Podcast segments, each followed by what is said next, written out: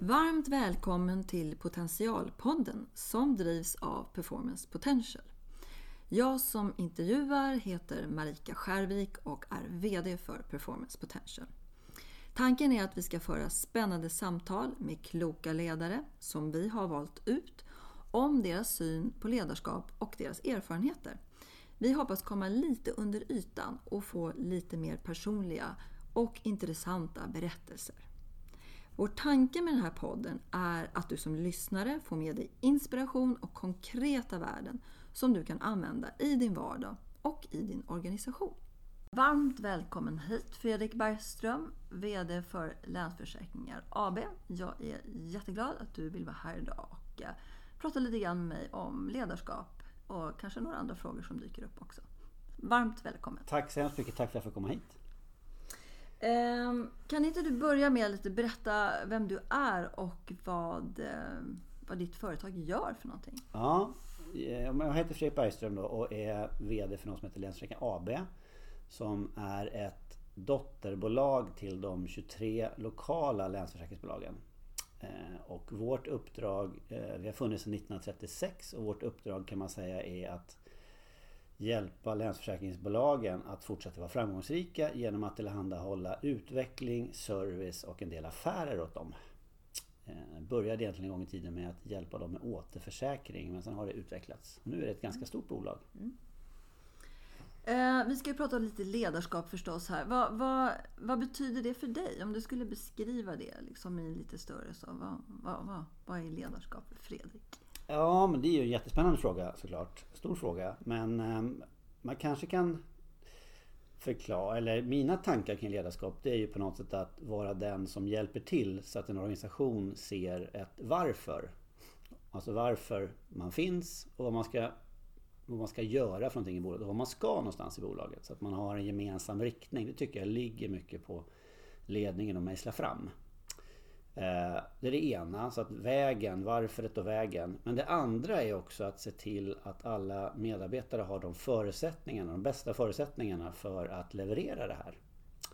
Så att visa vägen, skapa förutsättningar för att alla ska få vara delaktiga och leverera. Det tycker jag, har man liksom lyckats med de två sakerna då har man, tycker jag, varit en bra ledare. Mm kanske är en ledande fråga då, men ditt eget ledarskap om, om du skulle försöka liksom, beskriva det. Vad, vad, vill du att det ska representera? Ja, men alltså jag, framförallt så är jag ganska, jag tycker att jag är ganska upptagen av att hitta ett viktigt varför och prata mycket om varför. För jag vet att det är skillnad om varför det är tydligt än om det är otydligt. Eh, det är det ena. Sen är det ju det andra att skapa förutsättningar, en bra organisation, ett bra ledarskap för att alla ska få chansen att bidra. För vi har en, jag tror, det, det tror jag många är liksom överens om idag, att alla går till jobbet idag för att göra ett bra jobb. Det finns liksom inga olika intressen.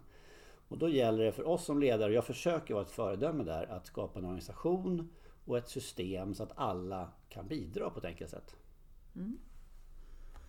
Um, om man då säger, ja, hur ser du en dag på jobbet ut, tänker jag? Du, det är klart jag förstår att det kan vara väldigt olika, men tänk en måndag kontra en fredag. Så om man skulle få en liten inblick i din vardag. Hur, hur, ser den ut? Hur ja, kan men, det se ut? Jo, men det här jobbet som jag har nu då, på Länsförsäkringar AB, det är ganska mycket styrelseuppdrag. Vi är ju LFAB, Länsförsäkringar AB då, som jag kommer kalla LFAB ibland här nu då, är en eh, koncern så vi har ganska många dotterbolag och de sköts ju och hanteras då. Och det här varföret sätts ju upp via styrelserna såklart. Mm. Uh, och det gör vi tillsammans, några på LFAB, tillsammans med ett antal ordförande och VD i Länsförsäkringsbolagen. Så mitt jobb och min vardag är ganska mycket att träffa eh, Eh, styrelserna, eh, både i styrelsemöten och utskottsmöten och eh, diskutera strategiska frågor för dotterbolagen. Och sen naturligtvis rapportera till den styrelse som jag rapporterar till. Då. Sen är det ju för att det ska bli bra väldigt mycket internt samverkan i LFAB. Så att vi är organiserade och samsnackade om hur vi gör en bra leverans till Länsförsäkringsbolagen. Så det, det, är inget att sticka under stol med. En vanlig dag är väldigt mycket möten. Men det är ju arbetssättet när man har sådana här roller.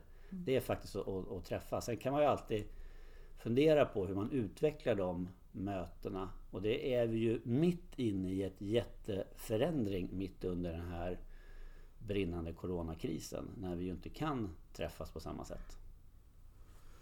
Hur, hur gör man det tänker jag? Hur, hur, hur gör man när man inte kan träffas? Det här med att, att få, få liksom relation med människor. Så att säga. Har du några tankar kring det? Nej, men alltså, nu bygger ju det här, hela den här, som mitt uppdrag här, eller vårt uppdrag i LFA, LFAB-gruppen bygger ju väldigt mycket på tillit. Så att för oss är det här med möten liksom verkligen viktigt och, och kritiskt. Och det är klart att nu, eh, eh, vad ska jag säga, nu eh, har vi nytta av att vi har träffats så mycket fysiskt som vi har gjort under de här åren. Vi lägger mycket tid på att träffas fysiskt. Ehm, och reser och har rest mycket tillsammans. Det kan vi inte göra nu men därför går de här, för nu är det mycket fysisk, eh, förlåt, digitala möten. Vi skypar väldigt mycket till exempel och har en del telefonmöten men framförallt Skype. Det går väldigt bra för oss skulle jag säga. Tack vare att vi har investerat i så mycket fysiska möten tidigare. Har en liten buffert där kanske som ni ja, har byggt upp. så kan ja. man säga. Eh, ledarskap i ansvar och mandat och, och makt och i olika former. Och så här. Jag tycker, en fråga som jag alltid tycker är så spännande att ställa det det här med att bestämma och så. Um, hur ser du på det? Tycker du om att bestämma? Hur, hur tänker du kring den frågan? Ja, men då ska jag sticka ut hakan lite, ja. kanske. Jag uh, vet inte. Men jag, då säger jag så här, jag gillar egentligen inte att bestämma. Mm. Uh, därför att det här uppdraget nu, vi, vi, är väldigt mycket, eller så här, man kan väl definiera nästan allt arbete idag för de allra flesta som jobbar i fall i vår bransch är ju samarbete på något sätt. Och i ett samarbete så är det ju väldigt mycket bättre när man samarbetar så bra så att man tillsammans kliver över linjen när man ska eh, fatta ett beslut. Och egentligen tycker jag att det är ett misslyckande om man tar min företagsledning som vi träffas varannan fredag. Om frågorna kommer dit att jag måste bestämma eh, så tar det oftast längre tid att genomföra än om vi kan resonera oss fram tillsammans så att vi bestämmer tillsammans. Och då kan man komma in på det här, men jag har sagt någon annan gång att jag tror rätt mycket på konsensusbeslut. Mm. Därför att genomförandekraften blir så enormt mycket bättre om man har klivit över linjen tillsammans. Mm. Sen finns det en det får inte ta för lång tid. Då måste någon bestämma till slut. Då blir det ju jag i den konstellationen. Eh, såklart. Ja. Det var ett långt svar men jag tror väldigt mycket på gemensamt bestämmande. Mm. Och ledarskap handlar mycket om att göra det man det man tror är rätt. Exakt. Eller hur? Så Precis. är det absolut. Och om du, om, när du kommer hem efter jobbet, eh, om man nu gör någonsin det brukar jag säga i den här rollen, och du känner att det här var en riktigt bra dag, jag är riktigt nöjd med den här dagen. Vad, vad har den innehållit då, tänker jag? Alltså den innehåller i princip alltid möten. Så man får förhålla sig till möten med människor. Och det är faktiskt skillnad. Nu är oftast de allra, allra, allra flesta dagarna bra. Det är när det har varit bra möten, när man har känt att man har, vi har tillsammans flyttat frågor, viktiga frågor eh, på det här mötet tillsammans då. Eh, vi har gjort varandra bättre, vi har liksom eh, lagt ihop ett plus ett blir två och en halv och alla de här klyschorna. Jämfört med möten som ibland faktiskt står och stampar när vi inte gör varandra bättre. Vi liksom vi är inte där tillräckligt mycket för att lyssna in varandra utan vi är där för att försvara en själv kanske. Sånt händer ju och då tycker jag det är lite tråkigare de kvällarna. Så mm. faktiskt, man kan mäta en dag på hur bra möten man har haft. Okay. Eh, om man går tillbaks till det då. Det här med, med alltså vissa, vissa delar i ledarskapet är ju så att säga energikrävande och, och eh, kanske dränerande till och med om man säger så. Och vissa saker är väldigt lustfyllda då. Så om du skulle så att, ta dem där en och en, de, hur skulle du beskriva det? Vad är dränerande, liksom, dränerande för ledarskapet och vad är, vad är lustfyllt? Då? Ja, men alltså jag, det egentligen är eh, lite grann samma sak för att olika varianter av det. Det är fortfarande, jag kommer tillbaka till det här med möten, för vi jobbar så otroligt mycket. Att komma samman och prata om något och så gå därifrån och genomföra. Och när vi har haft eh, möten som har varit bra, det har nästan varit som självständig piano, vi har pratat i mun på varann på ett positivt sätt och gått därifrån och bara genomfört. Då är det väldigt lustfyllt tycker jag. Så det är, det är i de mötena med människor som det blir lustfyllt.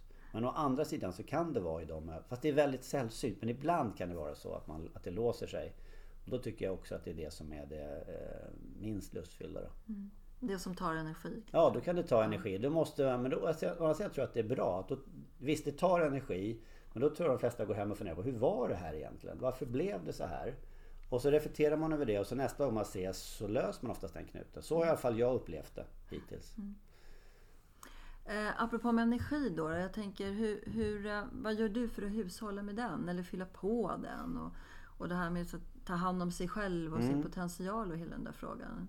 Ja men det finns massa perspektiv på det. Dels så eh, Som många andra tror jag så älskar jag att träna. Det tror jag de allra flesta svarar på den frågan. Eh, genom att träna. Och just nu, jag, jag är ju tennisnörd. Alltså jag spelar ju tennis, mycket tennis. Där. Helst 7-8 på morgonen innan jobbet. Mm. Det tycker jag är, jättebra. Men sen har jag eh, en annan grej som jag kan, eh, som jag passar väldigt bra, eller funkar väldigt bra för mig. Och det är att gå ut och gå själv. Mm. Eh, om man har något, ibland landar man i en fråga som är lite, som kräver reflektion.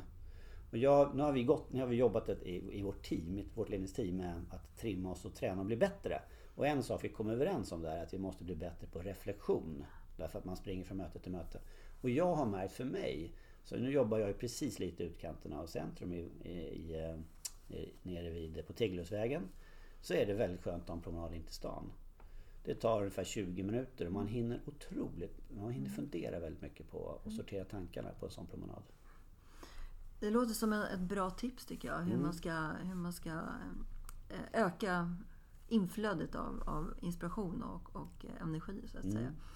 Eh, det är också utmanande att vara ledare och eh, ibland hamnar man i, i väldigt speciella situationer. Vi pratade faktiskt här för ett tag sedan om om tsunamin. Det var mm. bara ett sånt eh, exempel på, mm. på extrem situation för, för kanske just de individerna som var ledare under den perioden. och så. Har du några liksom, tips eller tankar om hur man ska preparera sig? Det kanske man inte kan göra alltid för man vet inte. Men hur ska man tänka? Liksom? Vad, vad, behöver man göra i såna här riktigt utmanande situationer? Vad tänker du om det? Men delvis är vi ju mitt inne i en sån får vi säga. Mm. För nu, nu, är det ju, nu har det ju varit väldigt allvarlig situation i hela världen och inte minst här i Stockholm då, kring eh, coronautbrottet. Och, eh, vi, och vad, man, vad, vi har i alla fall gjort, dels är ju vi i en bransch, då, bank och försäkring, som faktiskt tränar på sånt här. Alltså det, är, det är ju sånt som vi har i våra instruktioner att göra faktiskt. Eh, så att vi, det var skönt att kunna plocka upp de, de dokumenten som berättar vad vi gör i den här krisen. Och vad man gör tycker jag, det är ju Dels får man ju prioritera om väldigt mycket. Så att väldigt mycket av det vi hade tänkt göra den här perioden har vi ställt in. Inte minst, jag, det är ju stämmotid nu. Nu skulle jag ju åkt runt på ganska många av Länsförsäkringsbolagets bolagsstämmer. Men sen, vi pratar hela tiden om att vi ska göra fyra saker. Eh, mm. Och vi har ju en, en, vi kallar det för en strategisk krisledning just nu. Att först måste vi hela tiden lyssna in fakta. Alltså lyssna på våra myndigheter lyssna på, eh, i vårt fall Finansinspektionen och Riksbanken och de som liksom agerar hela tiden nu. Regeringen och allt vad de kommer med. Mm. Sen måste vi göra en analys. Hur påverkar det här oss? Vad behöver vi göra någonting utifrån det vi just har fått in? Sen måste vi baserat på den analysen fatta beslut. Det här är ju helt logiskt. Men fatta beslut. Eh, hur ska vi göra med vår arbetsplats? Hur ska vi göra med de här tilltänkta projekten? De här riskerna vi ser. Och det fjärde är att kommunicera. Så informera, bjuda in till samtal. Vi har till exempel regelbundna, varje måndag har vi alla chefer på telefonen för att liksom sända det vi har och ta, och ta emot eventuella frågor. Så, så lyssna, analysera, besluta och informera eller kommunicera. Mm. Det kör vi på. Det tycker jag funkar jättebra. Sen är det väldigt bra att hålla sig till lite struktur. Så vi har en sån här fyrfältare som vi hela tiden jobbar med att uppdatera mm. varje dag. Mm. Struktur är ganska skönt. Jag tänkte säga, det låter som ni har en väldigt tydlig process för det där. Mm. Um, och det kanske låter självklart men, men um, det är ju faktiskt färre än man tror som har en sån process. Ja, men vi, är nog du... inte, ja, vi är inte lyckligt lottade i våran bransch. Ja. Att vi har eh, Delvis så har vi ett regelverk som säger att vi ska ha det på plats. Absolut. Och, då, och då, då ser vi till att ha det på plats. Då. Eh, och sen har vi ju fått anledning och, och du nämnde ett, jättetragiskt exempel eh, och vi har ju haft andra. Vi har haft en finanskris för 12-13 år sedan när vi också fick eh, ta upp våra kontinuitetsplaner. Ni kanske har övat? Vi övar också. Vi mm. övar, det, det är mm. också mm. någonting som är, vi har tagit på oss att göra regelbundet. Mm. Absolut. Och apropå övning tänker jag så här, ledarskap som sådan och det man är med om som ledare. Vad har du lärt dig? Kan du liksom, är det något specifikt sådär som du skulle kunna plocka ut och säga, som du, du själv känner att du som Fredrik har lärt dig av, av ledarskapet i sig? Så att säga? Nej, men jag, absolut, ja. jag tycker jag, ärligt talat, det är också en klyscha, men jag tycker att man verkligen lär sig hela tiden.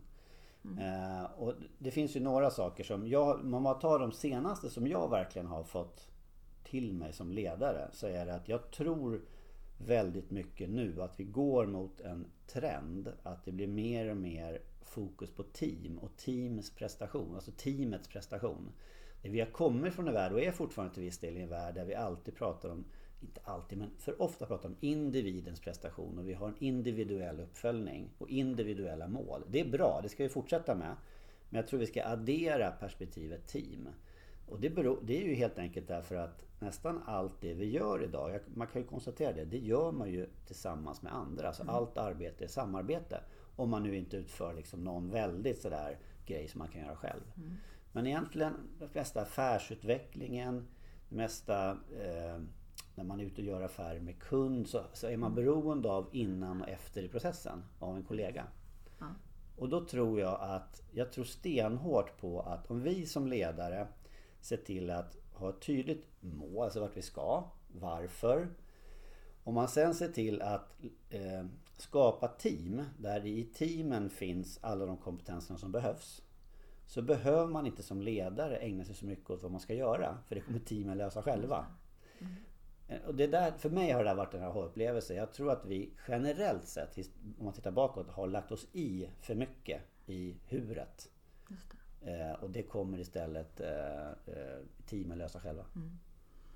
Så instruktioner, är, det är inte det liksom människor behöver? Nej, Nej. Mm. verkligen mm. inte. Utan man behöver ett mål och så behöver man resurser. Och så tror jag att vi ledare också ska på något sätt definiera vilken effekt man förväntar sig. Mm. Men sen eh, hur man gör det här, det, det löser teamen själva. Mm. Eh, värderingar, det är ju någonting som har figurerat ganska länge i organisationer. Man har värdeord och man jobbar mm. mycket med sådana här frågor och så. Um, och värdering är ju också det som många gånger blir emotionellt för människor mm. på olika sätt och vis. Och så. Hur tänker du kring, kring, kring så att säga, din, dina värderingar? Vad, vad styr dig liksom där? Eller vad är det som egentligen är ditt säga, rättesnöre?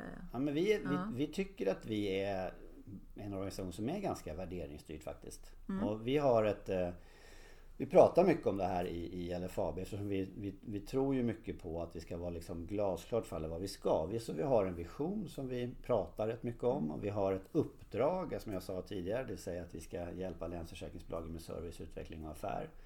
Och sen har vi bestämt oss då för fyra värderingar. Och de här värderingarna är, ska jag säga så här, de är i både ledarskap och medarbetarskap ganska väl kända idag. Och det vi försöker göra då, det är att ha ett resonemang om både på teamnivå och på individnivå. Vad mm. behöver jag lägga till för beteenden? Eller sluta med för beteenden eller fortsätta med för beteenden för att leva upp till de här värderingarna. För det, jag tycker att ibland när man pratar värderingar så blir det så lätt att man inte kommer ända in i kärnan. Så att man hjälper varandra att bli bättre. Mm. Mm. Om du förstår vad jag menar. Alltså, jag tror man ska våga ta det ända ner till beteende. Och mm. väldigt, väldigt mycket i form av feedback. Både feedback individ till individ men mm. framförallt också i teamet. Mm. Dina egna värderingar då? då? Hur, hur, hur Nej, uppträder de eller jag Nej, men jag tror, jag, alltså jag tror kanske vi har ju fyra ja. eh, värderingsord i länsrätten. Om jag ska ta dem bara så är det pålitlig, öppen, pålitlighet, öppenhet, professionalism och tillit. Och ja. för mig, mm. om jag får välja ut ett, ja. det får jag göra här nu ja. så är det väldigt mycket tillit. Mm. Därför att vi är, vi är en ganska stor, vi är ett bolag på 2000 personer med olika dotterbolag. Vi samverkar med 23 lokala länsförsäkringsbolag. Om inte vi har tillit så fallerar det här. Så det är egentligen mm. det viktigaste av allt. Mm.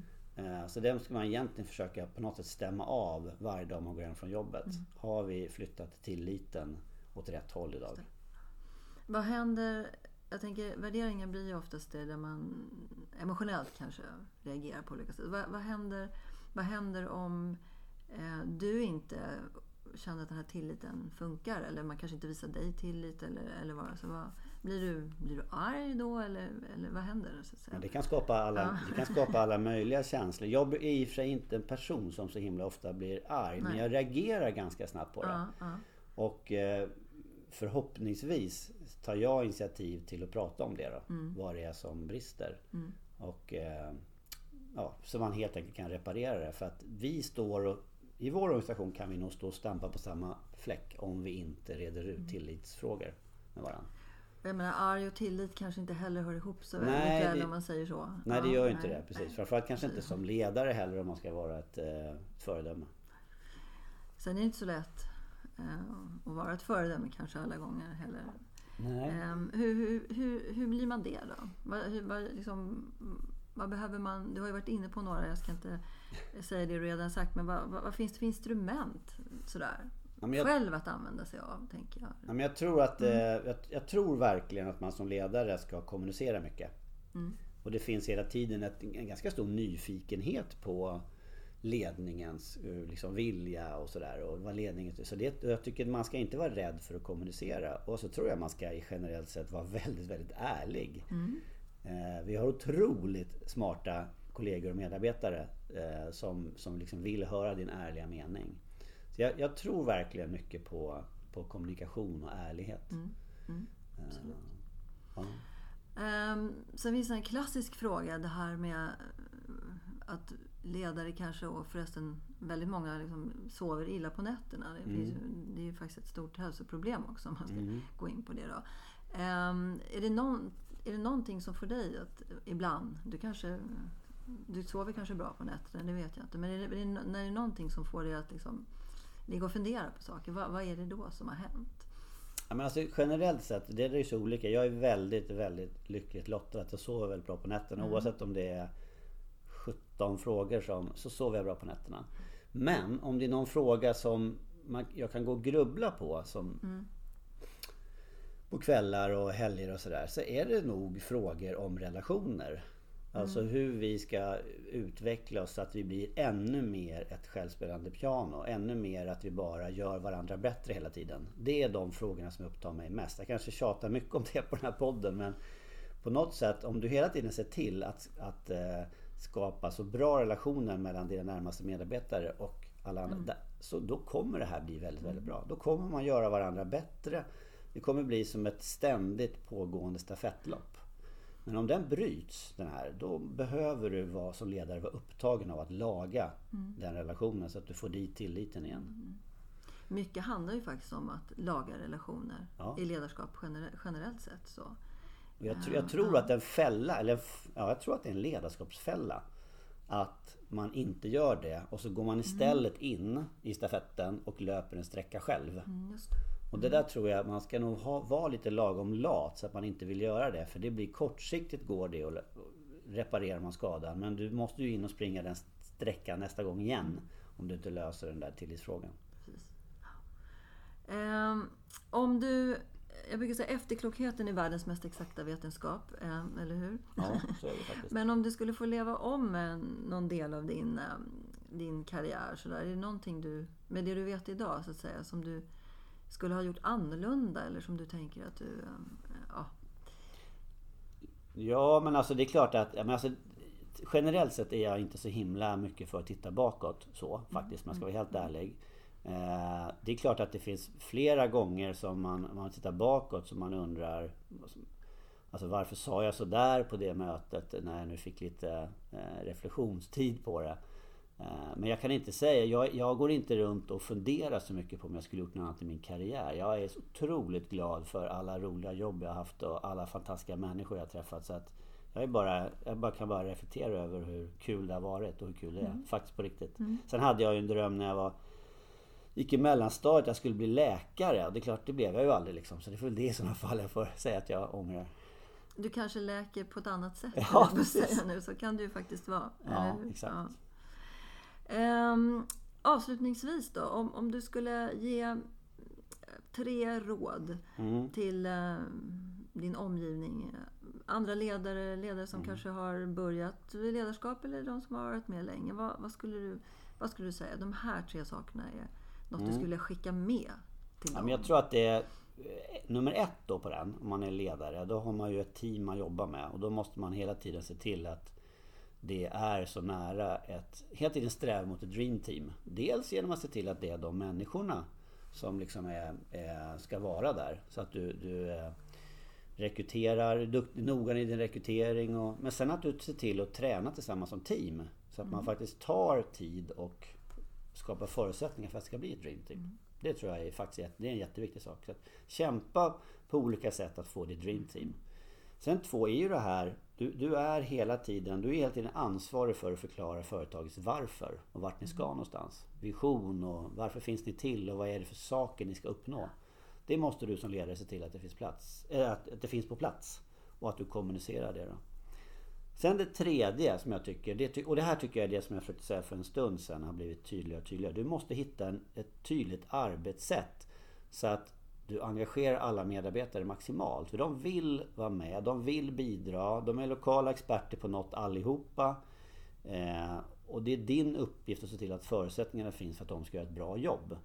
Eh, se till att involvera dem, ge dem chansen att kliva över linjen, lyssna på dem, hitta sätt som passar er för att deras idéer ska bli verklighet. För du sitter inte på de bästa idéerna, det gör alla medarbetare. Det var ju ett väldigt bra slutord det där. Vi sitter inte på de bästa idéerna, det gör alla medarbetare. Det är faktiskt så. Ja. Eh, stort, stort tack för att du kom hit. Eh, jag är jätteglad för det och eh, jag är också glad för ehm, ja, våra dialoger och samarbeten som vi har. Så ja, än en gång, stort tack Fredrik för att du kom hit. tack för att jag fick komma hit. Det var alltid lika roligt. Ja. Performance Potential jobbar med en metod och ett digitalt verktyg för att öka kunskapen om vad och hur vi går tillväga. Detta för att bättre förstå hur en organisation kommer att agera och verka. Det underlättar proaktivt ledarskap och stärker möjligheterna att få sina strategier att bli verklighet och för organisationen att nå sina mål. Vi kopplar samman verksamhetens DNA med individens arbetsrelaterade DNA. Vårt analysverktyg kallas preferensanalys. För mer inspiration, se vår hemsida performancepotential.se